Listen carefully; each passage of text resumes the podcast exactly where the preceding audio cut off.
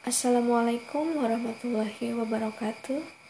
Hi guys, come back again to my podcast to the professional listening and speaking assessment with my lectures, Miss En. Um, yeah, I'm afraid I'll forget to introduce myself again. My name is Desi. I'm from English Department Kuningan University, class PBI 2B and sorry if there is a disturbing frog sound. Let's just start. Lydia Machova spoke on the theme The Secret of Learning a New Language that she really likes learning foreign language because she liked it and everyone many asked him how? What's your secret? And read and sorry and Lydia replied uh, I don't know. I just like learning language. People who enjoy learning language are called polyglots. The best place to meet polyglots it's at an event where lover of foreign language meets, and so Lydia decided to go and asked the other polyglots about the method used.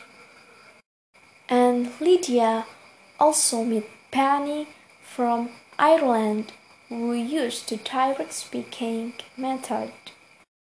Lydia also met Lucas from Brazil who had an interesting way of learning Russian by attending hundreds of Russian-speaking friendship on the on the Sky oh sorry on the Skype application, then opening up a conversation and releasing her own Russian language that she got.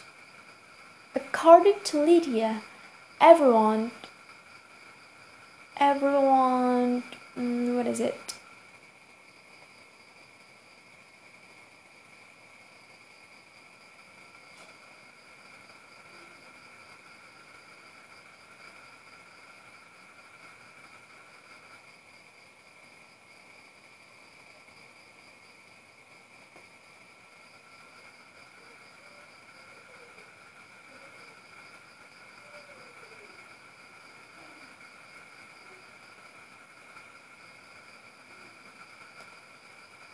Sorry.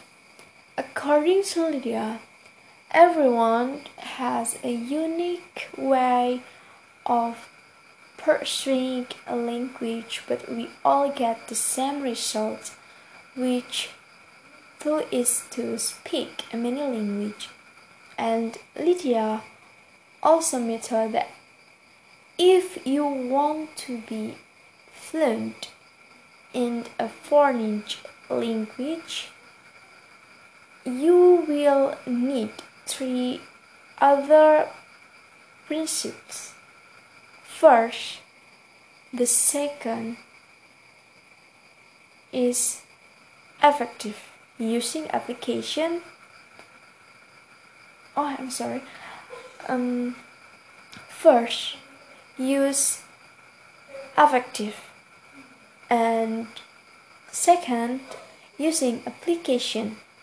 And third is making a system in learning. Maybe that uh, that's maybe that's enough all from my podcast time.